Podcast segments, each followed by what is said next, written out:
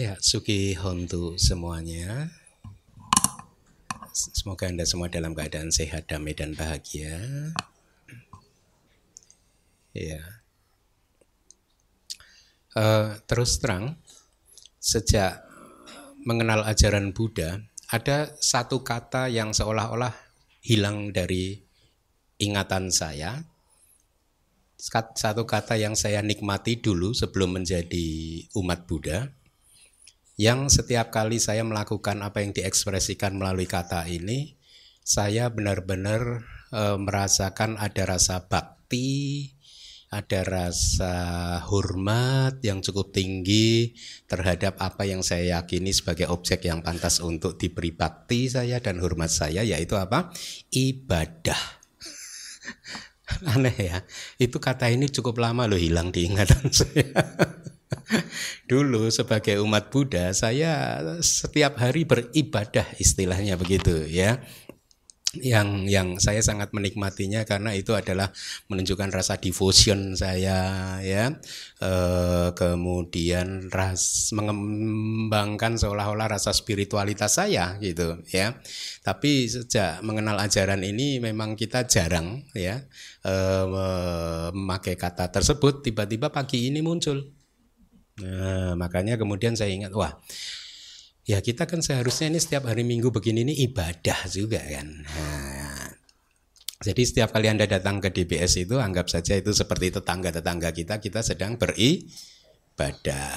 Ya. Nah, di dalam ibadah kita tentu saja eh, tujuannya adalah untuk keluar dari kehidupan ini, keluar dari samsara. Tetapi ternyata eh, Anda kita semua paham bahwa hal tersebut tidak mudah dan hal tersebut adalah seperti yang sering saya gambarkan. Seperti kita meniti karir Anda meniti karir dulu mungkin bagi Anda yang menjadi staf apa bekerja uh, di perusahaan orang begitu ya.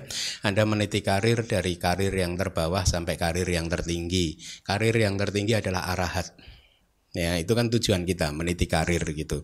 Nah, di dalam penitian karir itu ada banyak syarat-syarat yang harus dimiliki. Salah satunya adalah mema uh, uh, apa? Ya, memahami kehidupan ini secara apa adanya.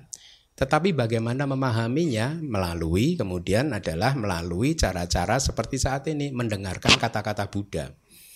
Dengan kata lain, mendengarkan kata-kata Buddha adalah ibadah yang tidak ternilai buat kita.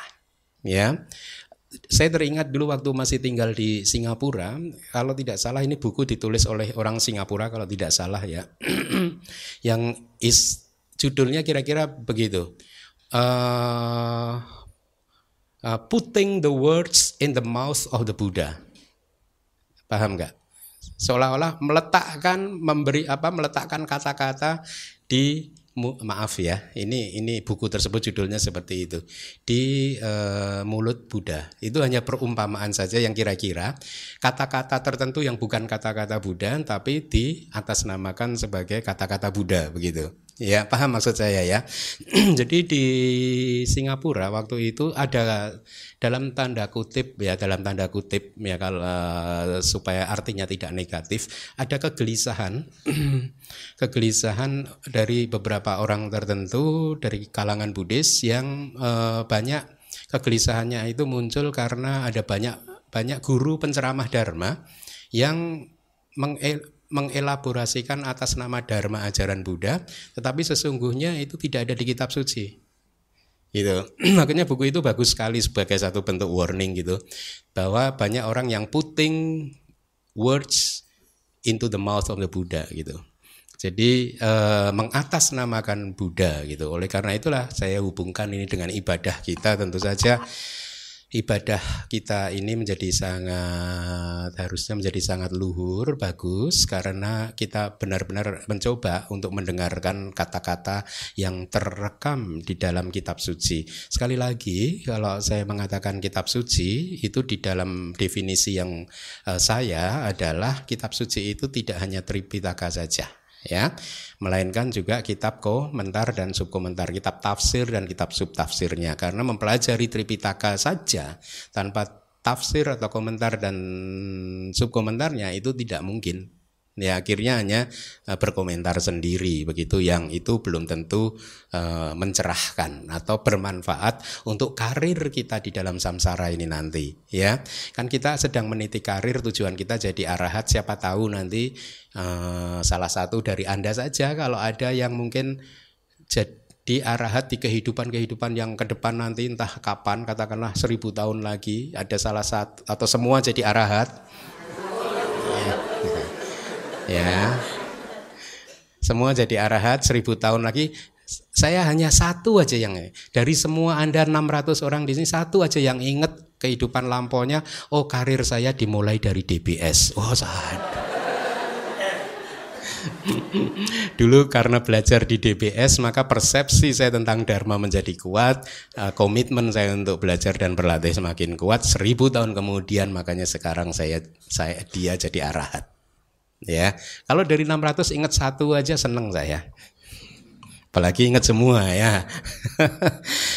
Baik, uh, suta kali ini berasal dari uh, Kudaka Nikaya. Nikaya.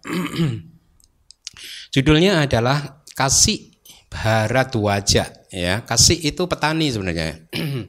ya, oleh karena itulah kalau Anda melihat terjemahan-terjemahan yang beredar di dunia ini baik di Indonesia maupun di dunia internasional eh, mungkin saya nggak nggak tahu pasti mungkin ada yang menerjemahkan suta ini menjadi khotbah untuk petani barat wajah gitu ya si petani yang bernama Baradwaja. Tidak salah, tidak salah ya. Tapi saya memilih untuk mempertahankannya menjadi kasih Baradwaja saja gitu ya. Eh, kasih Baradwaja nama seorang petani ini, laki-laki ini dia berasal dari kasta Brahmana seperti yang Anda nanti akan lihat meskipun dia adalah seorang brahmana tapi dia juga adalah seorang petani. Artinya dia menggantungkan kehidupannya dari bertani bercocok tanam ya. Maka di situ nanti akan ada cerita di suta aktivitas membajak ya jangan dikatakan kayak membajak apa gitu enggak ya membajak sawah ini.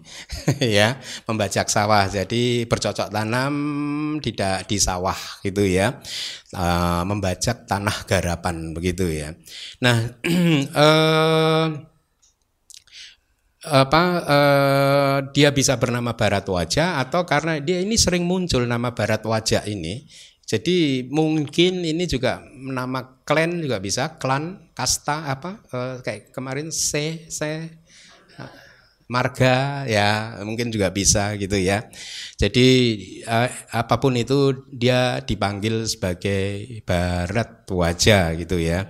Nah, nanti Anda akan lihat karena dia adalah seorang petani yang sedang sibuk membajak sawah, membajak sawah, pegawai-pegawainya membajak sawah. Jadi sepertinya dia ini adalah seorang petani besar, artinya petani yang kaya raya karena dia punya banyak pegawai, ratusan uh, pegawai dengan alat bajaknya terbuat dari emas dan lain sebagainya. Dari situ gambaran itu kita mendapatkan uh, informasi bahwa dia adalah memang seorang pengusaha yang besar mungkin ya. Jadi lihat seorang pengusaha besar besar dan di akhir suta nanti akan jadi arahat. Kadang ada hubungannya ya banyak cerita-cerita di zaman Buddha itu pengusaha-pengusaha besar akhirnya menjadi murid-murid yang ternama kan banyak kan ya e, kayak Anata Pindika juga ya dia adalah seorang bang fakir, seorang saudagar, ya pengusaha yang kaya raya, kemudian ada banyak sekali gitu. Kalau kita lihat dari teori dharma, teori karma, masuk akal karena mereka yang berhasil di dalam kehidupan keduniawiannya itu muncul karena di masa lalu mereka sudah banyak menimbun kebajikan. Ya, mereka yang sukses di dalam keduniawiannya, sukses bisnisnya, sukses ininya di dalam kehidupan sekarang itu muncul karena timbunan kebajikan mereka yang sudah sangat banyak. Ya, di masa lalu mereka berlatih kemurahan hati yang cukup sering gitu. Makanya eh, tidak mengherankan kalau banyak cerita-cerita orang kaya di zaman Buddha menjadi Arya akhirnya ya karena memang kebajikan mereka sudah cukup matang begitu ya. Nah, tetapi suta ini menjadi menarik karena keterampilan Buddha untuk memanfaatkan profesi kasih barat wajah dipakai untuk menjelaskan dharma. Ya, seperti yang Anda lihat nanti bahwa ini adalah pembajakan, maka saya juga membajak sebenarnya. Kan si Brahmananya bertanya, uh, nanti Anda akan lihat kok makan minta-minta kalau mau makan kerja dong gitu ya. Huh? Uh, bocokang lu bolai lah.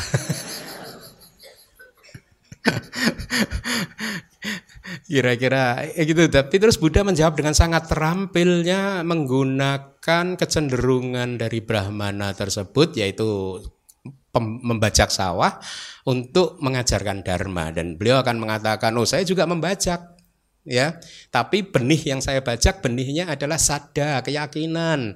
Kemudian ada juga pertapaan kebijaksanaan kemudian rasa malu dan lain sebagainya dipakai untuk perumpamaan uh, sebagai uh, aktivitas pembajakan yang dilakukan oleh Buddha.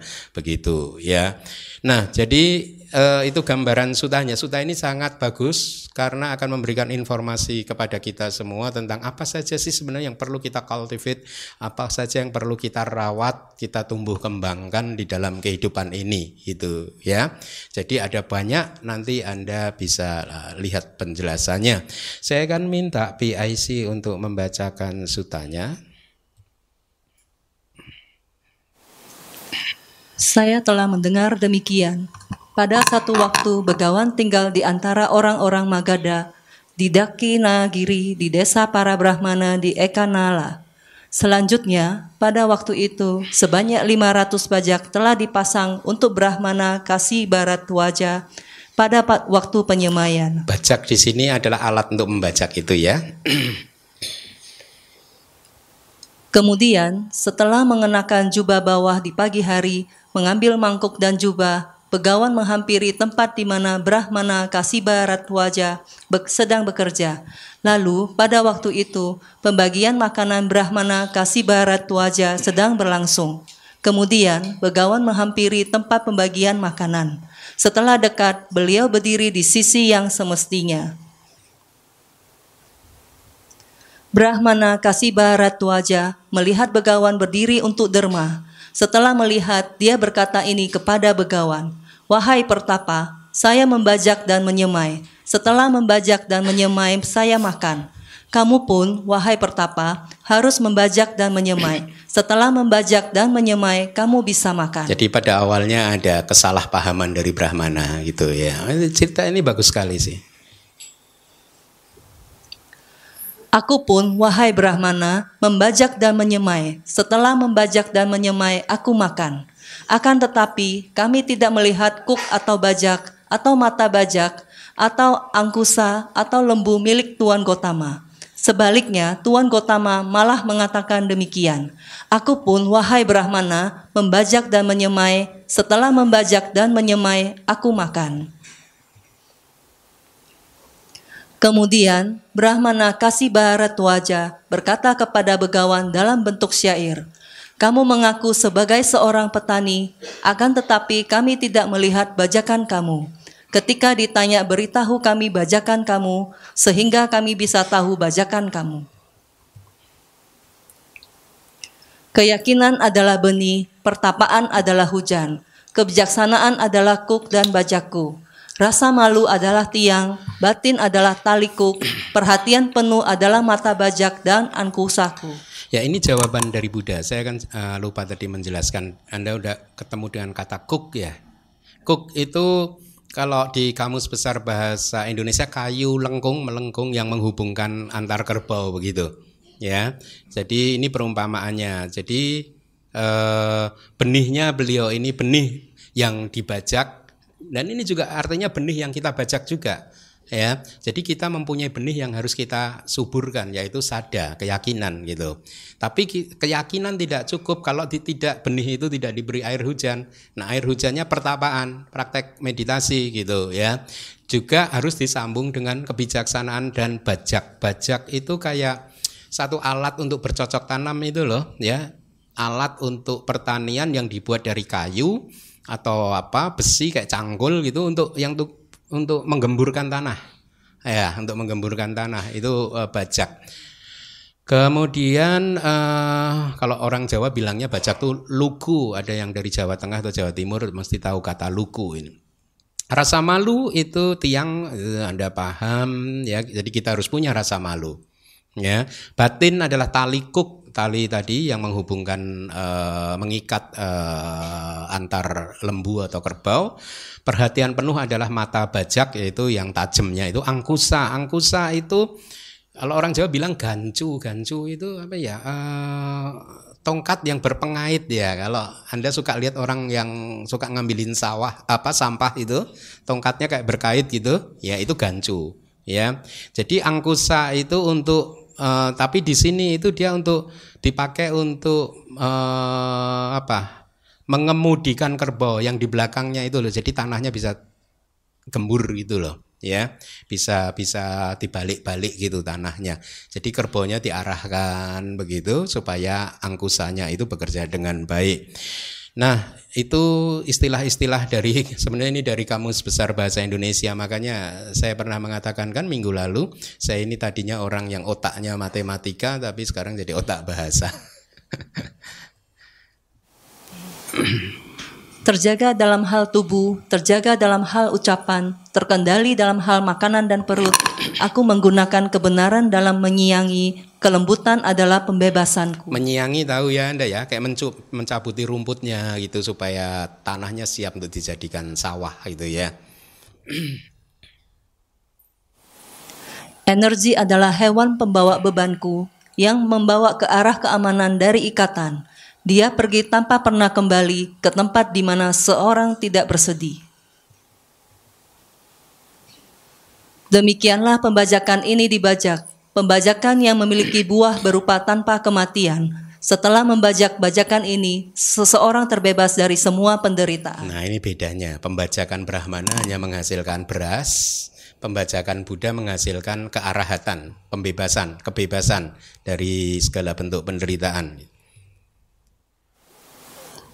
Kemudian Brahmana kasih barat wajah setelah melayani menuangkan nasi susu ke piring makan yang besar yang terbuat dari perunggu, mempersembahkannya kepada begawan dengan berkata, Makanlah nasi susu, wahai Tuan Gotama. Tuan adalah seorang petani. Tuan Gotama membajak bajakan yang menghasilkan tanpa kematian sebagai buahnya. Ya, tanpa kematian ini bisa kita terjemahkan ini amata, istilah untuk nibana, keabadian. Saya rasa ini lebih bagus juga ya keabadian. Ya. Begawan, makanan yang didapat setelah syair dilantunkan adalah makanan yang tidak layak untuk dimakan olehku. Untuk seseorang yang melihat, wahai Brahmana, itu bukanlah hal yang baik. Para Buddha menolak makanan yang didapat dengan cara syair yang dilantunkan. Terdapat hal yang seperti itu, wahai Brahmana, itulah praktik mereka.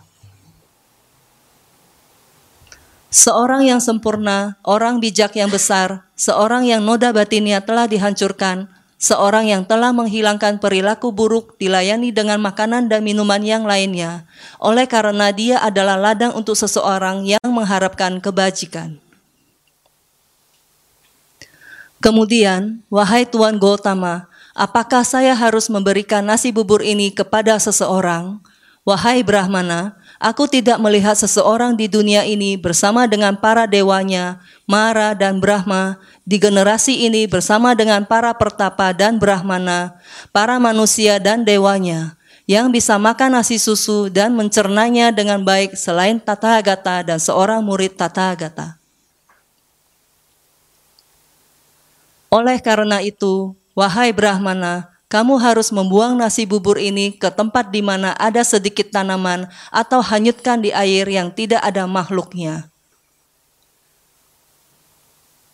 Kemudian Brahmana kasih barat wajah menghanyutkan nasi bubur di air yang tidak ada makhluknya. Lalu ketika dibuang ke air, nasi bubur tersebut berdesis, siur, dan mengeluarkan uap serta asap. Seperti halnya sebuah mata bajak yang sepanjang hari terkena panas ketika dibuang ke air berdesis, siur, dan mengeluarkan uap serta asap. Demikian juga nasi bubur tersebut ketika dibuang ke air, nasi bubur tersebut berdesis, siur, dan mengeluarkan uap serta asap. Jadi kayak benda besi panas dimasukkan ke air gitu loh, berdesis-desis itu itu maksudnya. Kemudian Brahmana kasih barat wajah, ketakutan dengan rambut berdiri, menghampiri tempat di mana begawan berada. Setelah dekat dan menjatuhkan diri dengan kepala di kaki-kaki begawan, dia berkata ini kepada begawan, Luar biasa wahai Tuan Gotama, luar biasa wahai Tuan Gotama. Seperti halnya wahai Tuan Gotama, menegakkan sesuatu yang telah ditelungkupkan. Mengungkapkan sesuatu yang tersembunyi, menunjukkan jalan kepada seseorang yang kebingungan atau memegang sebuah pelita di dalam kegelapan sehingga mereka yang mempunyai mata bisa melihat objek-objek bentuk. Demikianlah Dhamma telah dijelaskan dengan berbagai cara oleh Tuan Gotama. Saya pergi kepada Tuan Gotama untuk perlindungan dan kepada Dhamma dan kepada Sangga para biku. Semoga saya menerima penahbisan di hadapan Tuan Gotama. Semoga saya menerima penahbisan yang lebih tinggi. Kemudian Brahmana kasih barat wajah menerima penabisan di hadapan begawan, lalu penabisan yang lebih tinggi. Tidak lama setelah penabisan yang lebih tinggi, yang mulia barat wajah tinggal sendirian, terpencil, waspada, gigi dan teguh. Tidak lama sesudahnya, setelah mengalaminya sendiri penyempurnaan kehidupan suci yang tiada tara dengan melalui pengetahuan langsung di kehidupan saat ini juga, yang untuk tujuan tersebut para laki-laki yang menjadi anggota keluarga dengan tekad yang benar meninggalkan kehidupan keduniawian dari kehidupan rumah tangga ke kehidupan tanpa rumah. Setelah memasukinya, yang mulia barat wajah tinggal di dalamnya. Dia mengetahui sendiri, kelahiran telah dihancurkan, kehidupan suci telah dipenuhi, yang seharusnya dilakukan telah dilakukan. Untuk keadaan sekarang ini sudah tidak ada lagi yang lebih. Dan yang mulia barat wajah menjadi salah satu dari para arahat. Ya, demikian itu sutanya. Kembali lagi, kalau kita tidak melihat kitab komentar dan kitab subkomentar akan terasa kering ya sutanya ya. Bagaimana Anda memahami, Anda akan kehilangan konteksnya juga begitu. Tapi ketika nanti uh, Anda baca, Anda dengarkan penjelasan dari kata-kata, ini menjadi sangat menarik ya karena konteksnya juga ada dijelaskan dan segala macamnya gitu itu uh, menjadi sempurna. Mari kita lihat uh, penjelasannya. Seperti biasa saya telah mendengar demikian itu di sini yang didengar adalah khotbah untuk kasih barat wajah atau barat wajah suta tadi ya.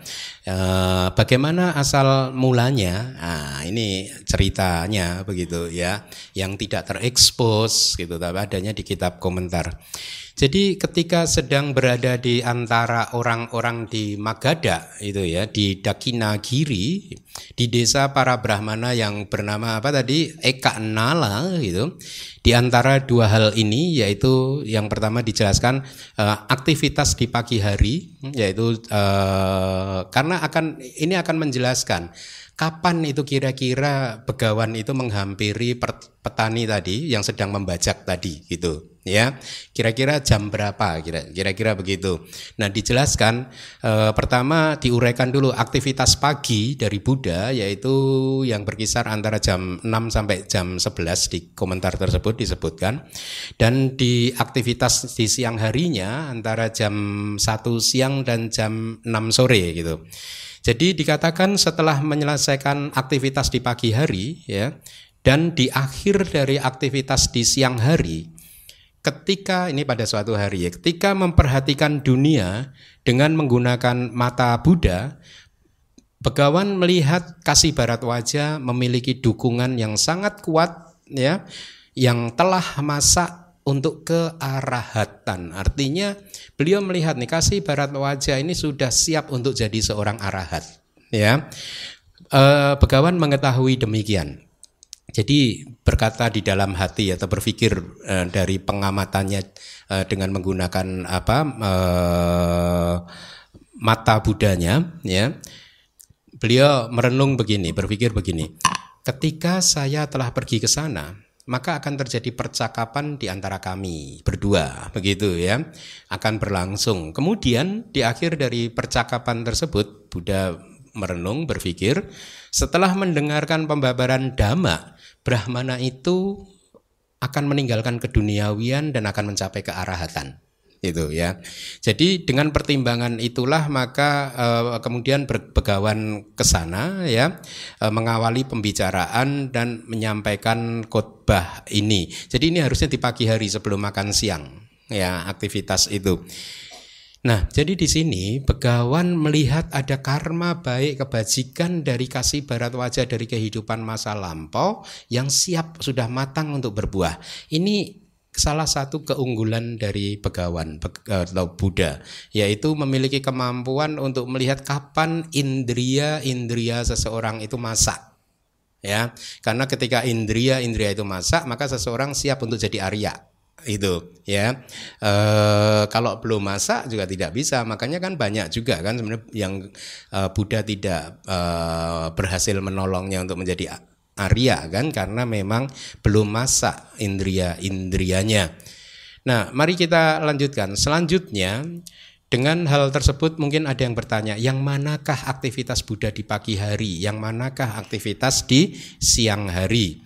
Dikatakan bahwa begawan setelah bangun pagi akan segera melakukan uh, pembersihan tubuh seperti cuci muka dan lain-lain demi kasih sayang kepada para asisten beliau dan demi kesegaran tubuh beliau sendiri. Kasih sayang kepada asisten apa supaya tidak merepotkan asistennya gitu ya.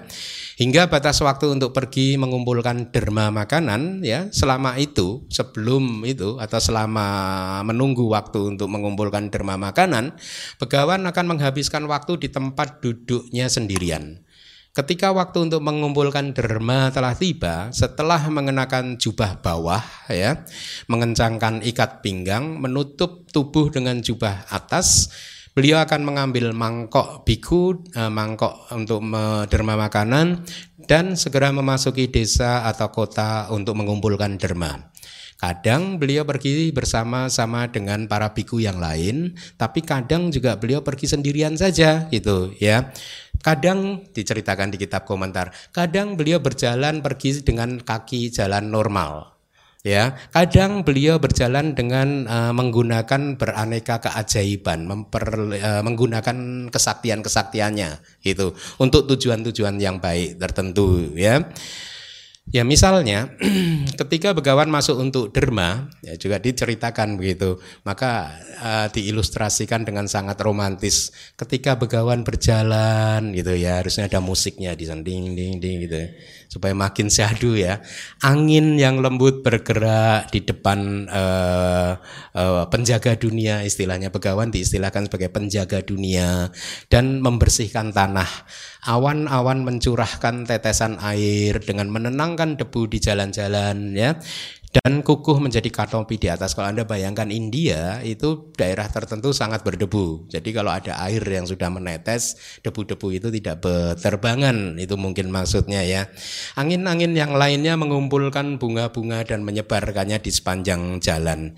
Daerah yang tinggi merendah, daerah yang rendah naik itu. Sehingga bumi tetap sama pada saat beliau menapakkan kaki-kakinya. Ya ini cara orang dahulu untuk mengekspresikan penghormatannya, kesan kesannya terhadap pegawan ya. Apakah hal itu terjadi benar? Uh, kalau menurut saya ya mungkin ini hanya ekspresi saja, ekspresi puitis dari para penulis di masa lalu gitu.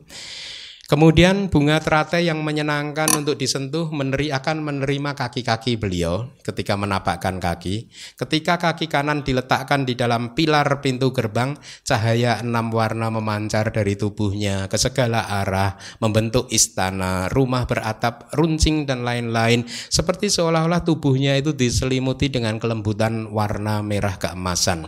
Binatang-binatang seperti gajah, kuda, burung dan lain-lain, masing-masing berdiri di tempatnya masing-masing mengeluarkan suara yang merdu, demikian pula alat musik seperti gendang, kecapi dan lain-lain serta perhiasan yang dikenakan dengan uh, dikenakan oleh orang-orang juga mengeluarkan suara yang merdu. Dengan tanda tersebut maka orang akan tahu hari ini begawan telah masuk untuk mengumpulkan derma. Ya, kira-kira begitu. Jadi semacam ini ya. E, jadi dari situlah orang tahu dan akan bersiap-siap. Kemudian orang-orang dengan berpakaian yang rapi menutupi tubuhnya dengan sopan, mengambil wangi-wangian, lihat itu, ya bunga-bunga dan lain-lain akan keluar dari rumah memenuhi sepanjang jalan mempersembahkan juga eh, wangi-wangian tadi bunga-bunga dan lain-lain dengan penuh rasa hormat kepada begawan dan memberikan penghormatan serta memohon wahai Bante berikanlah sepuluh biku kepada kami. Jadi mengundang uh, untuk berdana makanan atau berikanlah 20 biku kepada kami atau 100 biku kepada kami supaya kami bisa berdana makanan kira-kira begitu.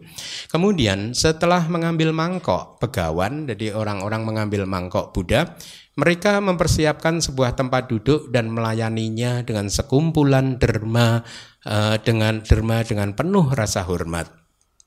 Ketika Begawan telah menyelesaikan makanannya, sudah selesai makan, beliau dengan mengamati kontinuitas dari masing-masing, kontinuitas kesadaran orang-orang tersebut, mengamati, kemudian beliau akan mengajarkan dhamma yang sesuai dengan mereka, ya. Sehingga dikatakan setelah pembabaran dhamma atau selama pembabaran dhamma ada beberapa orang yang kukuh di kepergian untuk perlindungan. Artinya ada beberapa orang yang kemudian menjadi kalau istilah zaman modern itu umat sarana, ya uh, ada beberapa orang yang lain lagi kukuh di dalam lima moralitas.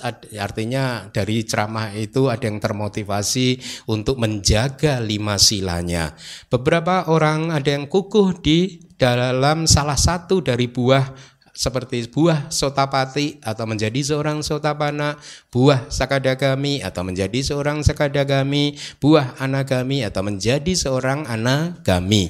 Beberapa orang yang lain setelah meninggalkan keduniawian, jadi setelah mendengarkan damatok akhirnya menjadi biku, ingin jadi biku ya. Setelah meninggalkan keduniawian dia kukuh di buah yang tertinggi yaitu buah kearahatan atau menjadi seorang arahat gitu. Nah, jadi aktivitas Buddha itu sedemikian rupa yang selalu itu membantu untuk kesejahteraan orang lain gitu ya. Sedemikian rupa ya setelah memberikan bantuan kepada orang-orang tersebut, Begawan bangkit dari tempat duduknya dan pergi ke wihara. Di sana beliau duduk di tempat duduk yang mulia yang telah disiapkan di pavilion menunggu hingga para biku menyelesaikan makanannya, biku-biku yang lain. Kemudian ketika para biku telah selesai makan, seorang asisten beliau akan melaporkan demikian bahwa mereka sudah selesai gitu. Lalu Begawan memasuki memasuki bilik yang harum, ganda kuti gitu. Jadi istilah bilik atau kutinya Buddha itu ganda kuti kan? Biliknya harum harum bau baunya uh, aromanya. Inilah pertama-tama yang disebut aktivitas di pagi hari. Ya setelah berpindah patah kemudian kembali lagi. Dan apa yang belum disampaikan di sini hendaknya dipahami persis dengan cara yang telah dikatakan di Brahma uh, Yusuta. Ada di suta yang lain itu informasinya. Mari kita lanjutkan Kemudian Ketika aktivitas di pagi hari telah dikerjakan seperti itu, Begawan duduk di serambi depan dari bilik yang harum dan membasah kedua kaki. Beliau berdiri di atas dingklik. Dingklik itu apa? Tempat kecil itu tahu ya? Kayak uh, ya tempat duduk kecil, duduk kayak di lantai. Kalau orang zaman dulu kalau menyuci di sungai atau apa itu pakai dingklik gitu. Jadi berdiri di atas kurs dingklik dan menasehati biku sangga. Demikian wahai para biku, berjuanglah dengan penuh kewaspadaan. Kemunculan Buddha di dunia ini adalah jarang-jarang, ya. Kemudian yang jarang-jarang lagi apa? Perolehan status sebagai manusia adalah jarang-jarang. Lihat, kita sudah memperoleh ini sekarang status kita sebagai manusia, maka jangan kita sia-siakan karena sulit untuk mendapatkan kelahiran yang seperti ini lagi. Kemudian keberhasilan momen adalah jarang-jarang. Artinya keberhasilan momen itu adalah tersedianya kesempatan untuk menjalani kehidupan spiritual karena ada Buddha. Ya, itu jarang-jarang atau mendapatkan kesempatan ketika ajarannya masih bisa dipelajari dan dipraktekkan. Itu jarang-jarang. Telah lahir sebagai manusia yang berkesempatan untuk bertemu dengan dhamma, bijaksana, pandai dan berakal. Itulah keberhasilan momen gitu ya. Kemudian yang lain lagi pernah bisa menjadi seorang biku itu juga kesempatan yang jarang. Ya, setuju enggak? Buktinya 600 orang cuma satu. Jarang kan berarti satu per 600. ya. Yang lain mendengarkan dhamma seperti ini jarang-jarang juga. Itu kata-kata Buddha loh, ya.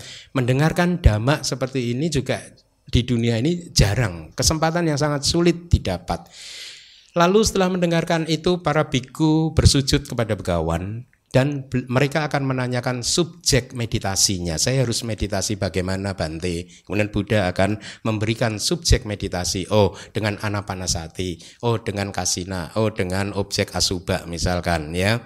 Karena sekarang nggak ada Buddha, loh 600 orang datang ke saya, Bante objek meditasinya apa? Anapanasati semua. Nanti orang luar lagi datang apa Bante Anapanasati. Terus 600 orang kumpul di luar kamu tadi diberi subjek apa? Anapanasati. Oh, saya kok juga sama. Nah, saya bukan Buddha. Kalau Buddha kan tahu kecenderungan uh, batin dari yang dihadapi beliau gitu ya. Nah, jadi setelah memberikan subjek meditasi, sesuai dengan temperamen bikunya masing-masing ya.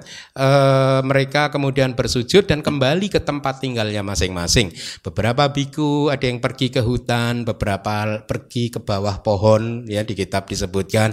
Beberapa biku yang lain ke tempat-tempat tertentu seperti gunung dan lain-lain. Beberapa biku yang lain bahkan ada biku dari dewa kembali ke alam surga Catu Maharajika di pagi hari ya dan seterusnya. Beberapa biku ke alam surga Wasawati. Jadi enggak hanya Wasawati. Jadi Catu Maharajika, kemudian Tawatingsa, Tusita, uh, Yama, Tusita dan seterusnya. Gitu. Ada yang kembali ke alam-alam dewanya masing-masing. Bahkan di pagi hari loh ini. Ada yang mengatakan dewa hanya muncul di malam hari. Enggak sih. Ya memang enggak gitu. Tapi ini ternyata Buddha juga mengajar kepada dewa di pagi hari gitu. Ya, kemudian setelah mereka semua udah kembali, Buddha akan memasuki bilik yang harum. Ya, seandainya menghendaki, begawan akan berbaring di sisi kanan dengan posisi seperti seekor singa. Ya, tidurnya Buddha itu begitu, posisi singa. Anda bayangkan, ada kan rupangnya ada kan Buddha yang di, uh, berbaring bukan tidur. Ya, berbaring dengan posisi seperti seekor singa untuk sesaat saja penuh perhatian dan penuh pemahaman gitu ya. Kemudian ketika tubuhnya telah segar kembali, begawan akan bangkit dan mengamati dunia di bagian kedua di siang hari. Di bagian yang ketiga, orang-orang yang tinggal di desa atau di kota atau di dekat wihara atau orang yang telah tadi pagi memberikan derma eh, makanan berkumpul di wihara. Ya, jadi bayangkan menarik kan? Ya, kita jadi tahu suasana pada waktu itu kira-kira begitu. Oh, umat-umat yang pagi harinya tadi berdana makan pada bagian ketiga di hari itu akan datang ke wihara gitu berkumpul. Mereka berpakaian rapi. berpakaian rapi. Eh, anda rapi nggak ada Buddha loh. Hah? Rapi. di depan ada Buddha loh, yang rapi lah. Menutupi tubuhnya dengan sopan. Ini dari kitab subkomentar ya. Membawa wangi-wangian, bunga-bunga dan lain-lain. Kemudian begawan pergi menemui mereka dengan memperlihatkan keajaiban yang sesuai dengan majelis yang telah berkumpul atau orang-orang yang telah berkumpul. Setelah duduk di tempat duduknya yang mulia, Buddha di aula Dharma mengajarkan dhamma yang sesuai dengan waktu dan ukurannya. Setelah itu, ketika menyadari waktu, begawan mempersilahkan majelis untuk membubarkan diri.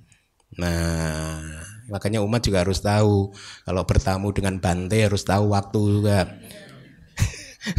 Bantenya mau membubarkan juga nggak bisa. Kemudian apabila ingin mandi maka setelah bangkit dari tempat duduk Buddha, begawan pergi ke tempat di mana air telah dipersiapkan oleh asistennya. Setelah menerima kain untuk mandi dari tangan asisten, beliau akan memasuki kamar mandi. Sementara itu asisten beliau setelah membawa tempat duduk Buddha mempersiapkannya di tempat yang khusus ya di bilik yang harum ya tempat duduk beliau. Setelah beliau selesai mandi mengenakan jubah dua lapis yang diwarnai dengan baik artinya jubah kalau zaman dulu biku itu memang mewarnai jubahnya karena jubah sangat jarang ya. Kemudian mengencangkan ikat e, pinggang memakai jubah atas pergi ke bilik tadi dan duduk sendiri dalam kesunyian bermeditasi maksudnya. Lalu para biku berdatangan dari sana sini pergi menemui begawan. Di sana beberapa orang mengajukan pertanyaan, beberapa orang memohon subjek meditasi, beberapa memohon pendeng, uh, damatok ya. Kemudian begawan akan menghabiskan sepertiga malam yang pertama untuk memenuhi mereka tadi. Jadi dari pagi aktivitasnya tadi begitu, siang seperti itu, kemudian sekarang masuk ke sepertiga malam yang pertama.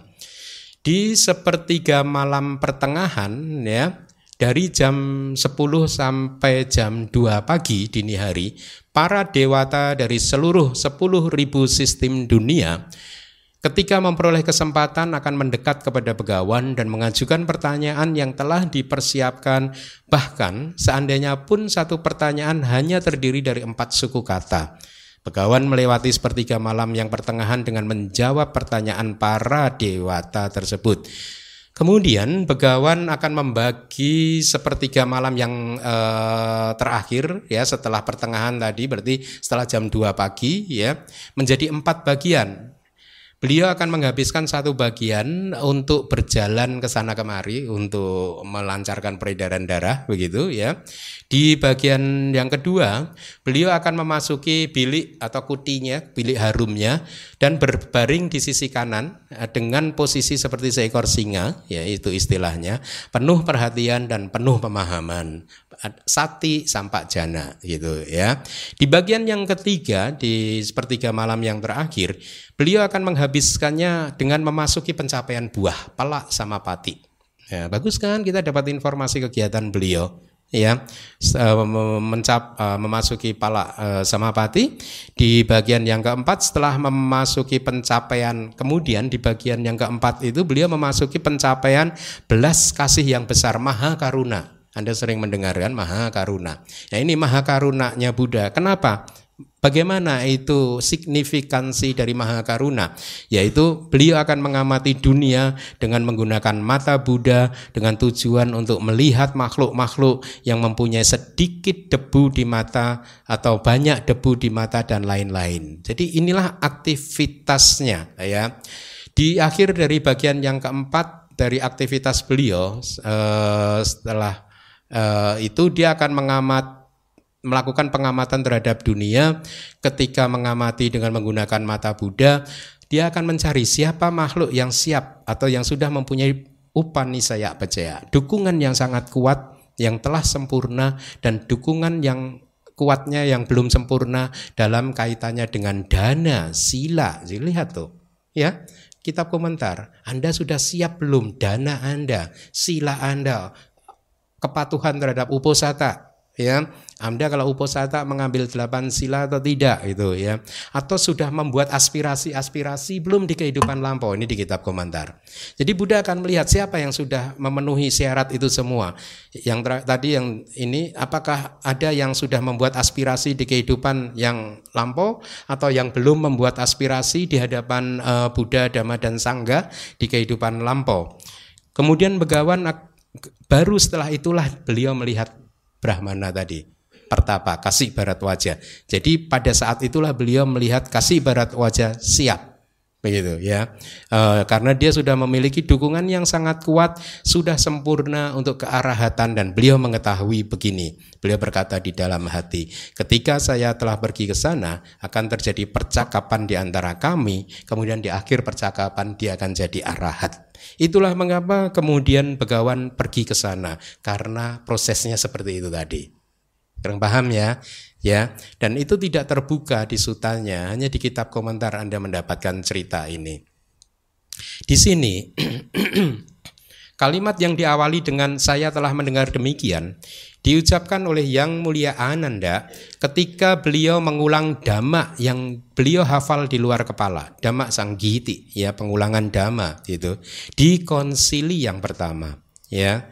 E, dhamma tersebut diucapkan ke beliau di hadapan dikatakan 500 arahat ketika beliau ditanya oleh Yang Arya Maha Kasapa Tera.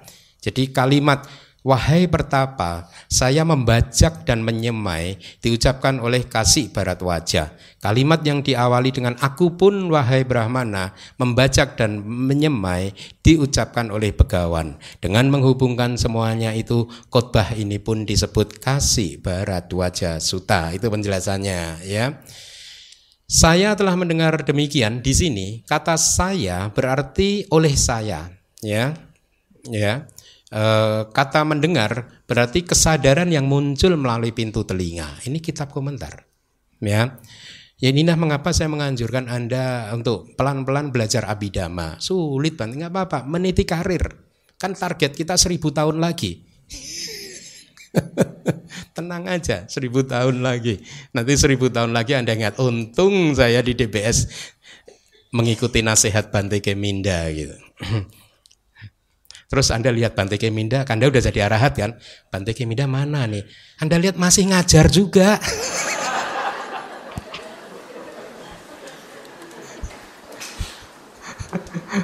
Never ending.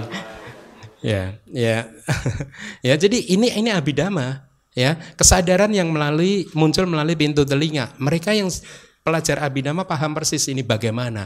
Jadi sama-sama Anda mendengar sekarang kesadaran yang muncul melalui pintu telinga. 600 ini mendengar persepsi bayangan Anda dan yang paham abidama berbeda. Ya, pasti berbeda. Mereka yang paham abidama paham ini dengan detail. Ya, bagaimana prosesnya ini gitu. Kita tidak punya waktu untuk membahas itu di sini gitu ya. Oleh karena itu, saya telah mendengar demikian diartikan demikian. Demikianlah saya telah merefleksikannya melalui kesadaran di dalam proses kognitif yang didahului dengan kesadaran telinga. Lihat, ini yang paham abidama mengerti dia. Bagaimana prosesnya? Setelah kesadaran telinga prosesnya apa? Kognitif di pintu yang mana? Mereka tahu. Merefleksikannya di kesadaran yang mana? Di proses pintu yang mana? Apakah proses pintu telinga atau proses pintu batin atau yang mana? Mereka tahu ya kita tidak punya waktu membahasnya ya. Ada lagi yang menarik kok tenang saja Anda jangan kecil hati meskipun nggak paham abidama pada satu waktu artinya di satu waktu begawan ya di sini yang dimaksud adalah seorang yang memiliki keberuntungan seorang yang telah menghancurkan seseorang yang menikmati. Selama ini Anda mendengar kata bagawa begawan yang saya terjemahkan jadi begawan ya bahwa kata tersebut sesungguhnya mempunyai banyak arti. Seperti yang di layar. Seseorang arti pertama seseorang yang telah menghancurkan itu beliau disebut demikian karena beliau telah menghancurkan nafsu, kebencian dan delusi, raga, dosa, moha, kesombongan, pandangan salah dan duri-duri kotoran batin yang lainnya begitu. Eh, apa penjelasannya gitu. Seorang yang menikmati artinya beliau disebut sebagai begawan artinya seorang yang menikmati karena beliau menikmati jubah-jubah, makanan-makanan derma, tempat-tempat tinggal dan obat-obatan atau beliau menikmati rasa dari makna, rasa dari dharma, rasa dari kebebasan. Beliau menikmati itu rasa dari kebebasan, rasa dari pencerahan, beliau menikmatinya. Uh, Itulah mengapa uh, dengan uh, karena juga beliau menikmati empat jana, empat keadaan yang tanpa batas, empat pencapaian jana non materi, atau karena beliau menikmati delapan pembebasan dan lain-lain. Itulah mengapa beliau disebut pegawan yang berarti seseorang yang menikmati begitu.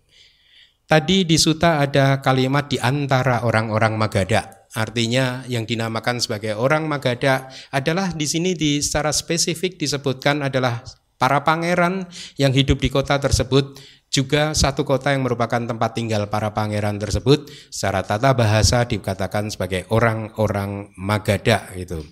Dan pada saat itu beliau tinggal di kota Magadha tersebut ya. Akan tetapi beberapa orang di zaman Buddha dulu di zaman India kuno menjelaskan kata Magadha yang ada di layar itu dengan berbagai cara ya. Salah satunya adalah e, dikatakan bahwa oleh karena ada seorang raja yang bernama Raja Cetia setelah raja tersebut mengucapkan perkataan bohong musawada ya ketika memasuki wilayah tersebut diberitahu oleh orang-orang eh jangan memasuki lubang uh, ma itu bahasa palinya ma gadang uh, pawisa gitu. Ma gadang pawisa. Lubang itu gadang. Ma itu jangan gitu. Ma gadang jangan pawisa jangan masuk ke lubang gitu ya. Maka akhirnya eh, kota itu diberi nama Magada. Katanya begitu. Ini cerita-cerita yang beredar lah di masyarakat 2600 tahun yang lalu gitu. Atau kata Magada itu dinamakan demikian karena ketika orang orang-orang sedang mencari rajanya dan menggali bumi ya, mereka diberitahu uh, jangan membuat lubang gitu. Jadi ketika orang sedang menggali dilarang oleh orang lain, jangan membuat lubang, ma gadang karota gitu ya. Ya jadi jangan buat lubang gitu. Ma gadang. Akhirnya lama-lama jadi magadang, magadang. Saya rasa di Indonesia juga begitu ya. Semarang gitu karena asemnya arang-arang ya gitu.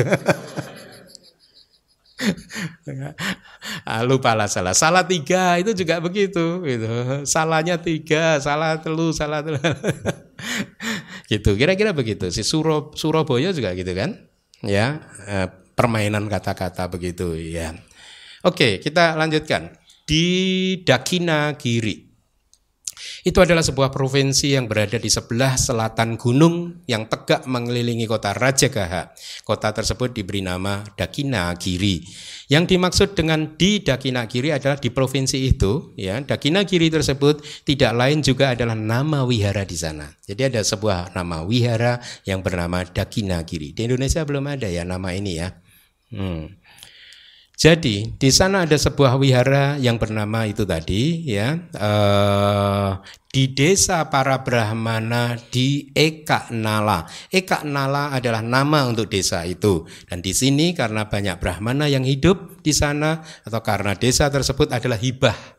Jadi di zaman dulu raja suka menghibahkan tanah untuk kaum-kaum tertentu, untuk kasta-kasta tertentu. Nah, Eka Nala ini salah satunya tanah hibah dan akhirnya di situ dipakai untuk tempat hidup kasta Brahmana itu ya. Maka mereka disebut sebagai atau desa itu disebut sebagai desa para Brahmana. Selanjutnya pada waktu itu artinya waktu yang mana begawan setelah duduk sila bersila ya dengan menegakkan tubuhnya yang tidak tertandingi ini istilah teknis menegakkan tubuh yang tidak tertandingin itu adalah posisi duduk bodhisatta ketika mencapai penerangan sempurna sejak itu istilah itu muncul karena tiada tara. Tidak ada yang bisa menandingi ya. Marah mengganggu pun KO ya ya. Nah uh, setelah memperoleh kebijaksanaan pencerahan yang sempurna yang tiada tara setelah jadi ini ini kronologinya. Kan dikatakan tadi pada waktu itu gitu. Jadi ini sejarahnya bagaimana sih begawan? Kemudian dimulai ketika Bodhisatwa duduk di bawah pohon bodhi dalam posisi duduk bersila. Kemudian setelah mencapai penerangan sempurna, kemudian beliau memutar roda dhamma kan, ya, dhamma cakak pawatana suta. Baru setelah itu beruntun, kemudian beliau tinggal di wihara yang besar di Dakinani Dakinagiri di kerajaan Magadha. Dengan bergantung pada sebuah desa para Brahmana di Ekanala, sedang menunggu kematangan indria-indria Brahmana yang dimaksud adalah pada waktu itu yang menjadi sebab dan kondisi Brahmana eh, kasih barat wajah untuk jadi arahat, itu yang mana sudah matang atau belum dan lain sebagainya sedang diobservasi oleh eh, Buddha. Kemudian ada kalimat untuk Brahmana kasih barat wajah artinya Brahmana tersebut hidup dengan jalan membajak tanah garapan dan silsilahnya adalah barat wajah. Itulah mengapa dia dipanggil demikian. Jadi confirm ya. Barat wajah adalah nama uh, marganya, klannya, klannya itu ya. Pada waktu penyemaian. Jadi Tadi di Suta kan begini, selanjutnya pada waktu itu sebanyak 500 bajak telah dipasang untuk Brahmana kasih barat wajah pada waktu penyemaian. Artinya pada saat penaburan benih, yang dimaksud adalah pada saat meletakkan benih. Sehubungan dengan hal tersebut ada dua jenis penyemaian, yaitu menyemai di lumpur dan menyemai di tanah.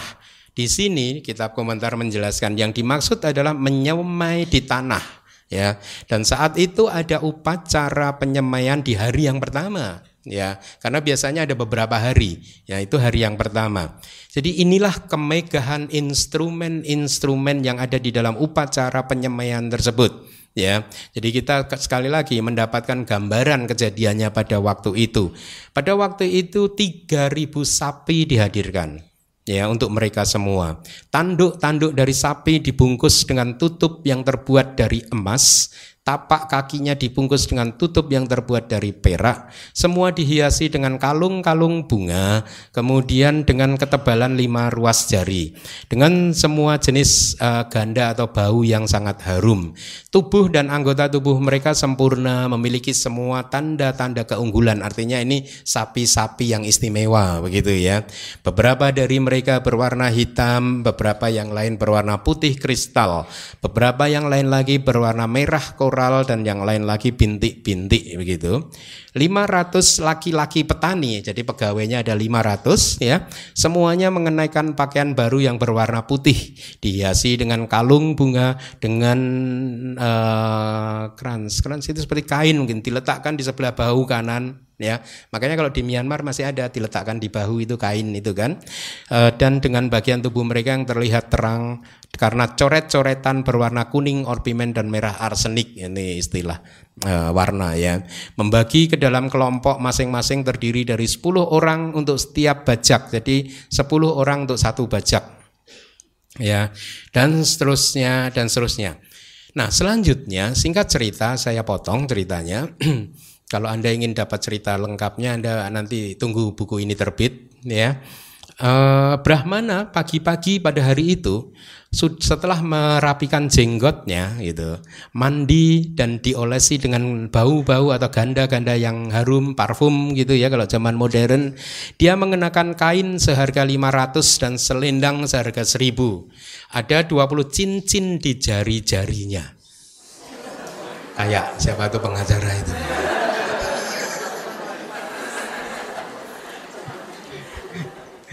dan mengenakan dua cincin di masing-masing jarinya dua cincin gitu ya.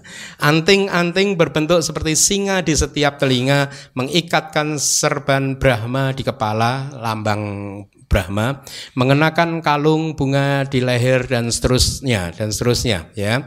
Jadi dia berdandan seperti itu. Kemudian ketika dia sampai di tempat bekerja di sawah ya, dia makan sendirian. Jadi setelah meminta piring emas yang dicuci, memenuhinya dengan susu, menyusun minyak samin, madu, tebu dan lain-lain, melakukan persembahan dulu kepada bajak, upacara orang zaman dahulu ya dilakukan persembahan kepada bajak Istri dia, seorang Brahmani, Brahmana perempuan, mengambil 500 bejana yang terbuat dari emas, perak, perunggu, dan tembaga, kemudian juga mengambil sendok emas, dan dia pergi memberikan makanan kepada pegawai-pegawainya dulu juga, 500 pembajak yang sedang duduk-duduk. Akan tetapi setelah melaksanakan persembahan, memakai sandal yang berwarna keemasan dan membawa sebuah tongkat yang berwarna keemasan, Brahmana kemudian akan pergi mengelilingi sambil memberi perintah, oh beri susu di sini untuk pegawai ini, tambahi minyak saminnya gitu, beri gula tambah gitu. Jadi baik hati sebenarnya Brahmananya. Makanya di akhir dari suta dia jadi arahat karena dia baik hati gitu ya. Sementara itu ketika sedang duduk di bilik yang harum di jadi kejadian pada saat yang bersamaan waktu itu Buddha masih duduk di bilik yang harum di Dewihara Dakinagiri gitu.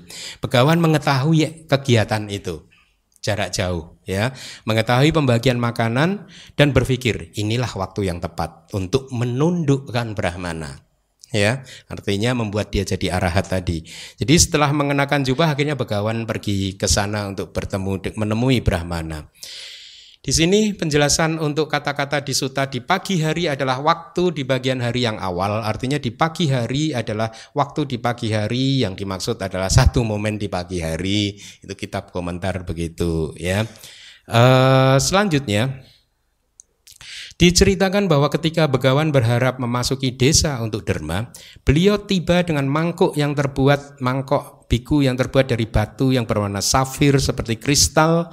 Di tengah-tengah antara sepasang tangannya terdapat seekor lebah. Di tengah-tengah sepasang terateng uh, sedang mekar. Itu hanya apa? Uh, ya informasinya seperti itu. Kemudian begawan menghampiri tempat pembagian makanan. Artinya beliau tiba di tempat di mana Brahmana kasih barat wajah sedang bekerja, dia pergi melalui jalan yang menuju ke sana. Ya, sekarang tiba uh, singkat cerita, ketika Buddha sudah tiba di sana, ya uh, beliau berjalan sendirian kan tadi kan. Ada pertanyaan kenapa Buddha ber, jalan sendiri tidak di, uh, diiringi oleh para biku gitu. Dijelaskan di kitab komentar dikatakan bahwa setiap kali begawan berharap untuk pergi ke mana pun sendirian, beliau memberi tanda pintu kutinya ditutup gitu ya. Ketika waktu untuk pergi mengumpulkan derma, jadi dari situ biku akan tahu, oh pintu ditutup berarti begawan tidak uh, berharap untuk berpindah patah bersama kami pagi hari ini gitu ya. Kalau orang zaman sekarang tahu kuti saya ditutup diketok.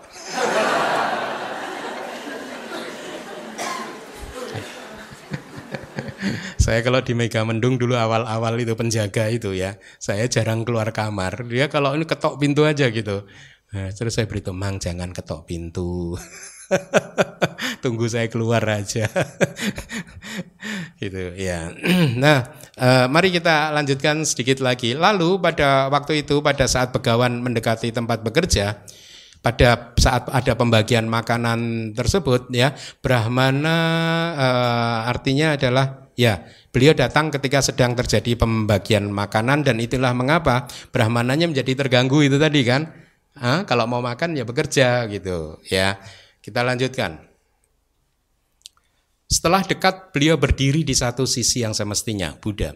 Dan setelah mendekat dengan cara demikian, beliau berdiri di sisi yang semestinya, di sisi yang semestinya itu di ruang terbuka, di tempat di mana Brahmana sengaja ini, di mana Brahmana bisa melihat Buddha. Supaya Brahmananya tahu. Kan ada banyak orang, 500 orang. Jadi beliau berada di tempat yang tinggi supaya Brahmananya bisa melihat uh, Buddha gitu, ya. Nah, singkat cerita kasih barat wajah melihat Buddha. Setelah setelah melihat Buddha, dia berkata demikian kepada Buddha, "Wahai pertapa, saya membajak dan menyemai. Kamu juga harusnya begitu kan? Kira tadi begitu ya."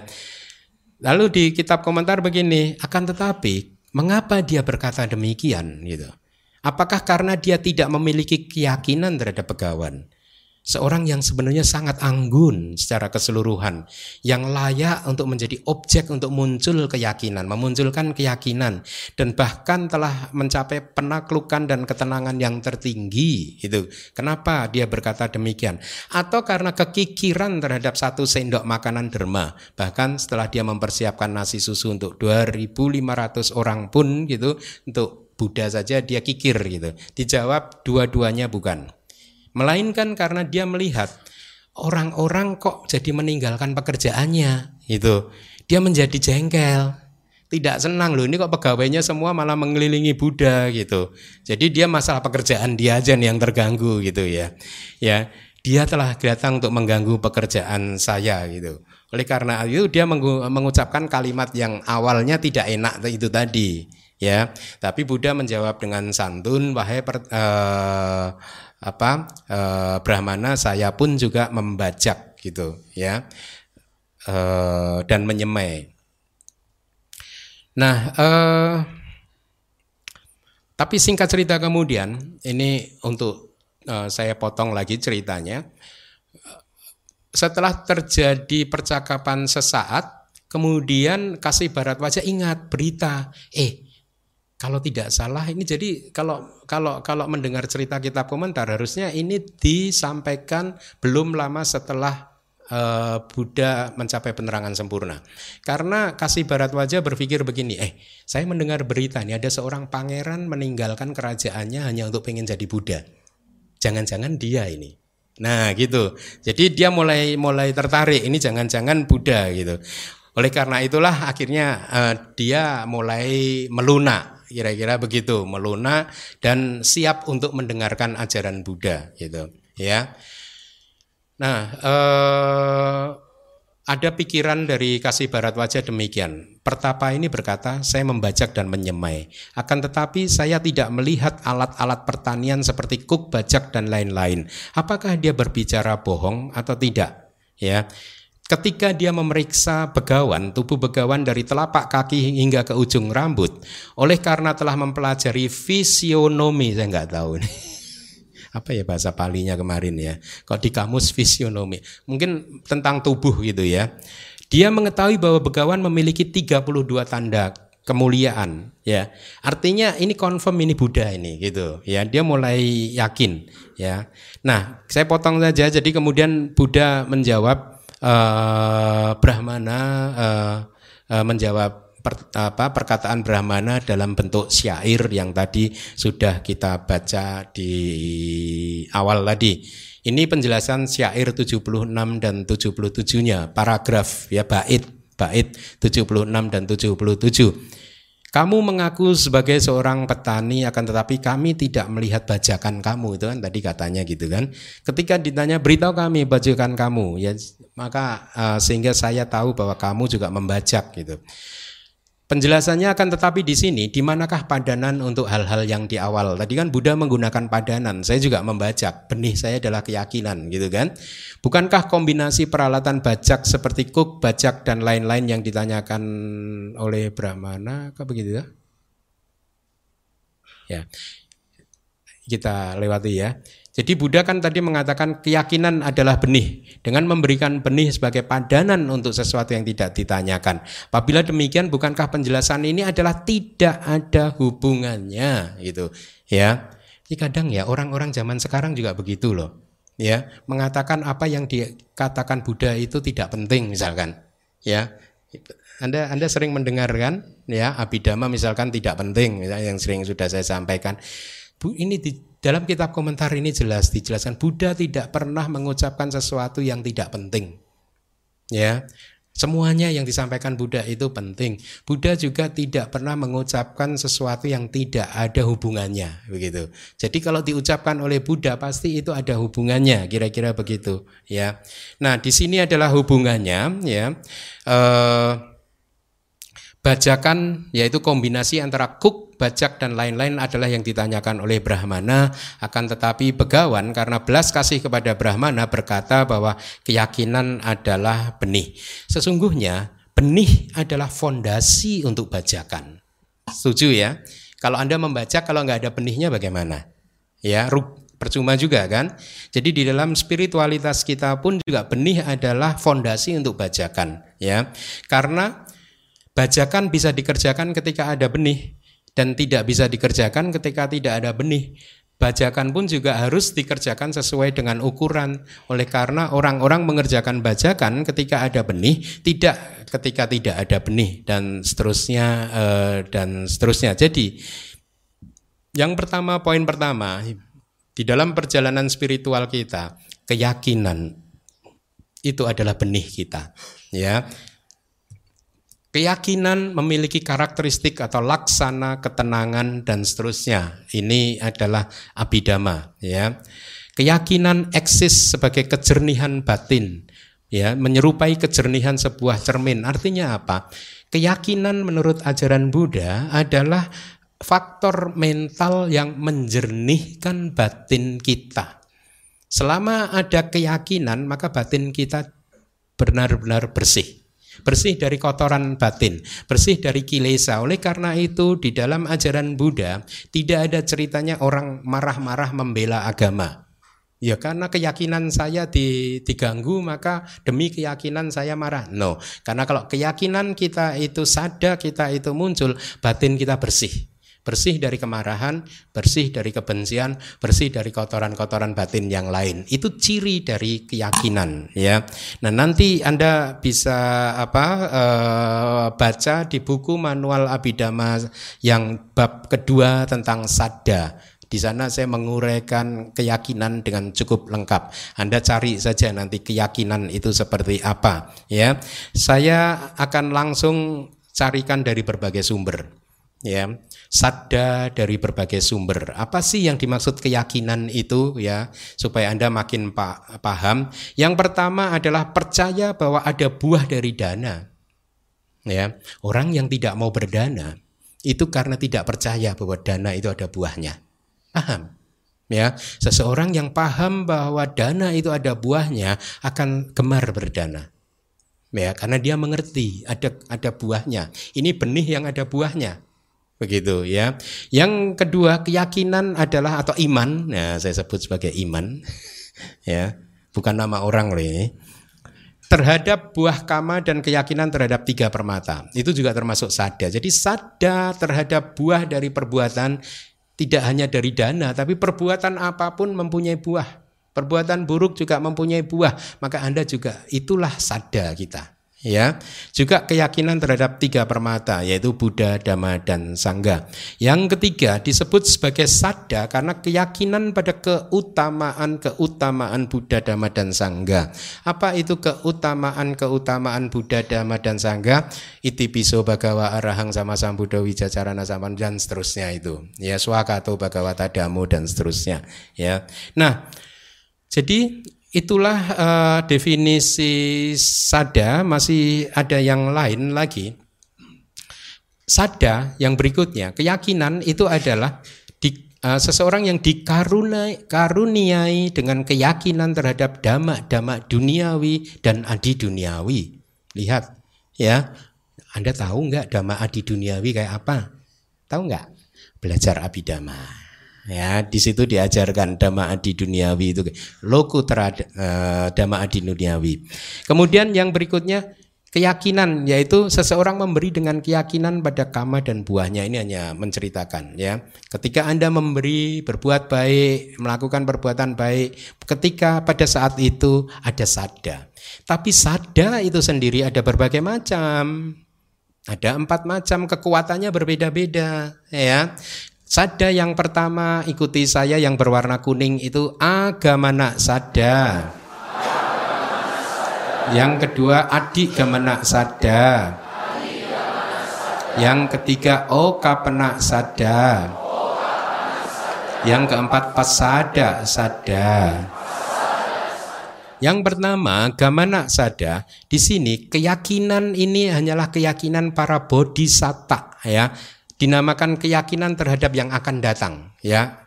Oleh karena keyakinan yang seperti ini telah tiba sejak dari aspirasi ingin menjadi Buddha hingga pencapaian pengetahuan yang mengetahui segalanya menjadi Buddha ya. Jadi keyakinan pertapa Sumeda di bawah kaki Buddha di Pangkara yang muncul yakin bahwa dia akan menjadi Buddha di masa depan sejak hari itu keyakinan itu dijaga tidak pernah surut ya. Sehingga itulah mengapa dia memenuhi paraminya itu secara berurutan dan selalu berhasil memenuhi paraminya. Meskipun selama jangka waktu empat asangkaya seratus ribu kalpa yang sangat lama sekali. Tapi keyakinan itu tidak pernah surut.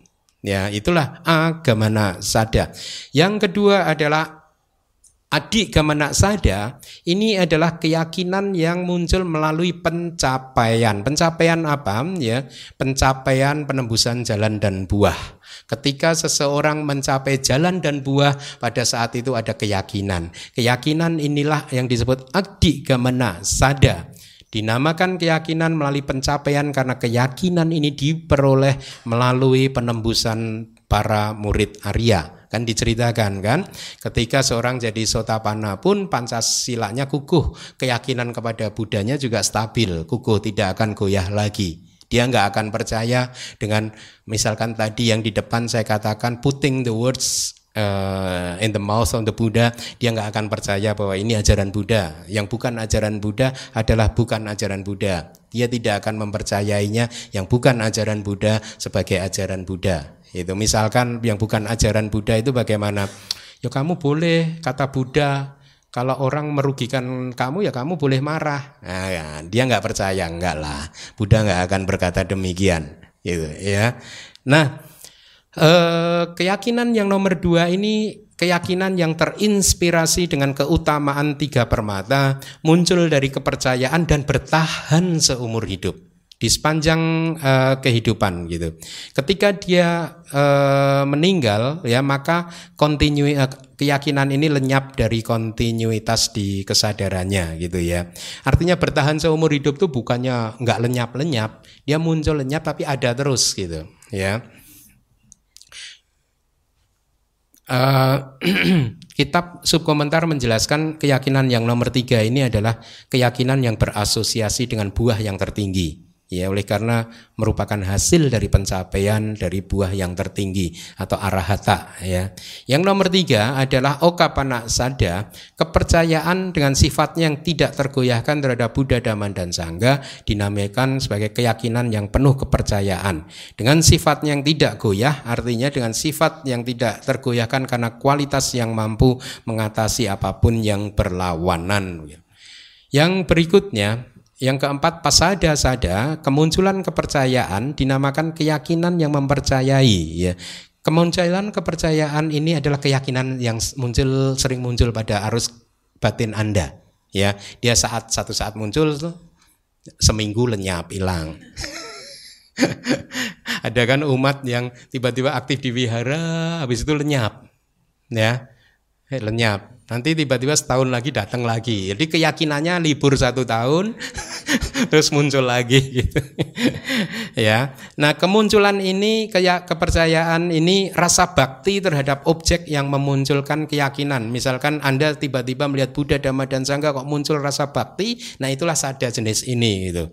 Keyakinan jenis ini muncul berdasarkan rasa hormat yang sangat tinggi pada ratana, bukan dari keyakinan dari hati yang sangat dalam yang tidak goyah seperti sota Tapana dan seterusnya tadi. Itulah mengapa keyakinan ini tidak stabil, kadang eksis tapi tidak lama. Setelah itu dia akan ragu-ragu lagi gitu ya. Anda sering kan pasti mengalami hal itu kan? Kok tahu Bante? Bisa Anda nggak rajin ke DBS? nah dari empat sada ini sedikit lagi. Bahkan sada yang nomor empat, nilai di Seado mengatakan, oh, Lady Seado mengatakan, bahkan sada yang nomor empat ini tadi yang jarang-jarang muncul, itu pun sangat jarang didapat. Kesempatan yang berharga untuk mendapatkan ini. Ini dari Lady Seado itu ya. Banyak umat Buddha yang jarang mendapatkan ini, sada ini ya. Seseorang yang memiliki keyakinan melalui pencapaian yaitu tadi arahat dikatakan oleh Lady Seado ketika seseorang sudah menjadi arahat maka keyakinan dia sedemikian rupa sehingga bahkan dia bisa menghormati biku yang perilakunya tidak benar pun. Ya, jadi meskipun ini beri, uh, dia tahu bikunya tidak uh, baik ya karena begitu. Tapi beliau tetap uh, mempunyai sada terhadap sangga terhadap biku tersebut. Karena dianggap biku ini adalah termasuk anggota sangga. Di mana di dalam sangga itu ada kualitas-kualitas seperti supatipano bhagavato sawaka sanggu dan seterusnya dan seterusnya. Gitu ya. Nah Seseorang yang memiliki keyakinan seperti bodhisatta, agama naksada, dia tidak bisa ini masih dari Lady Sayadaw, dia tidak bisa berhenti untuk tidak melakukan kebajikan. Itu cirinya gitu ya. Dia akan terus melakukan kebajikan gitu. Eh, bahkan dia tidak akan berhenti sehari pun. Itu menurut Lady Sayadaw gitu. Kemudian keyakinan yang teguh uh, Oka Penaksada adalah faktor penting untuk kita semua para meditator untuk terus berjuang ikut retret setahun sekali tidak menyerah. Ini juga kalau Anda tidak menyerah setiap tahun ikut retret ada keyakinan di sana ya. Jadi mari kita semua mengembangkan keyakinan jenis-jenis uh, yang bisa kita kembangkan kepada Tiratana ya. Uh, kembali lagi suta ini mengajarkan kepada kita bahwa sada adalah benih dari pembajakan kita yang harus kita uh, punyai ya supaya uh, pembajakan ini suatu hari nanti entah seribu tahun lagi memberikan buah berupa pencapaian arah kearahatan. Demikian uh, pembabaran dari suta ini yang pertama, minggu depan masih berlanjut lagi. Terima kasih.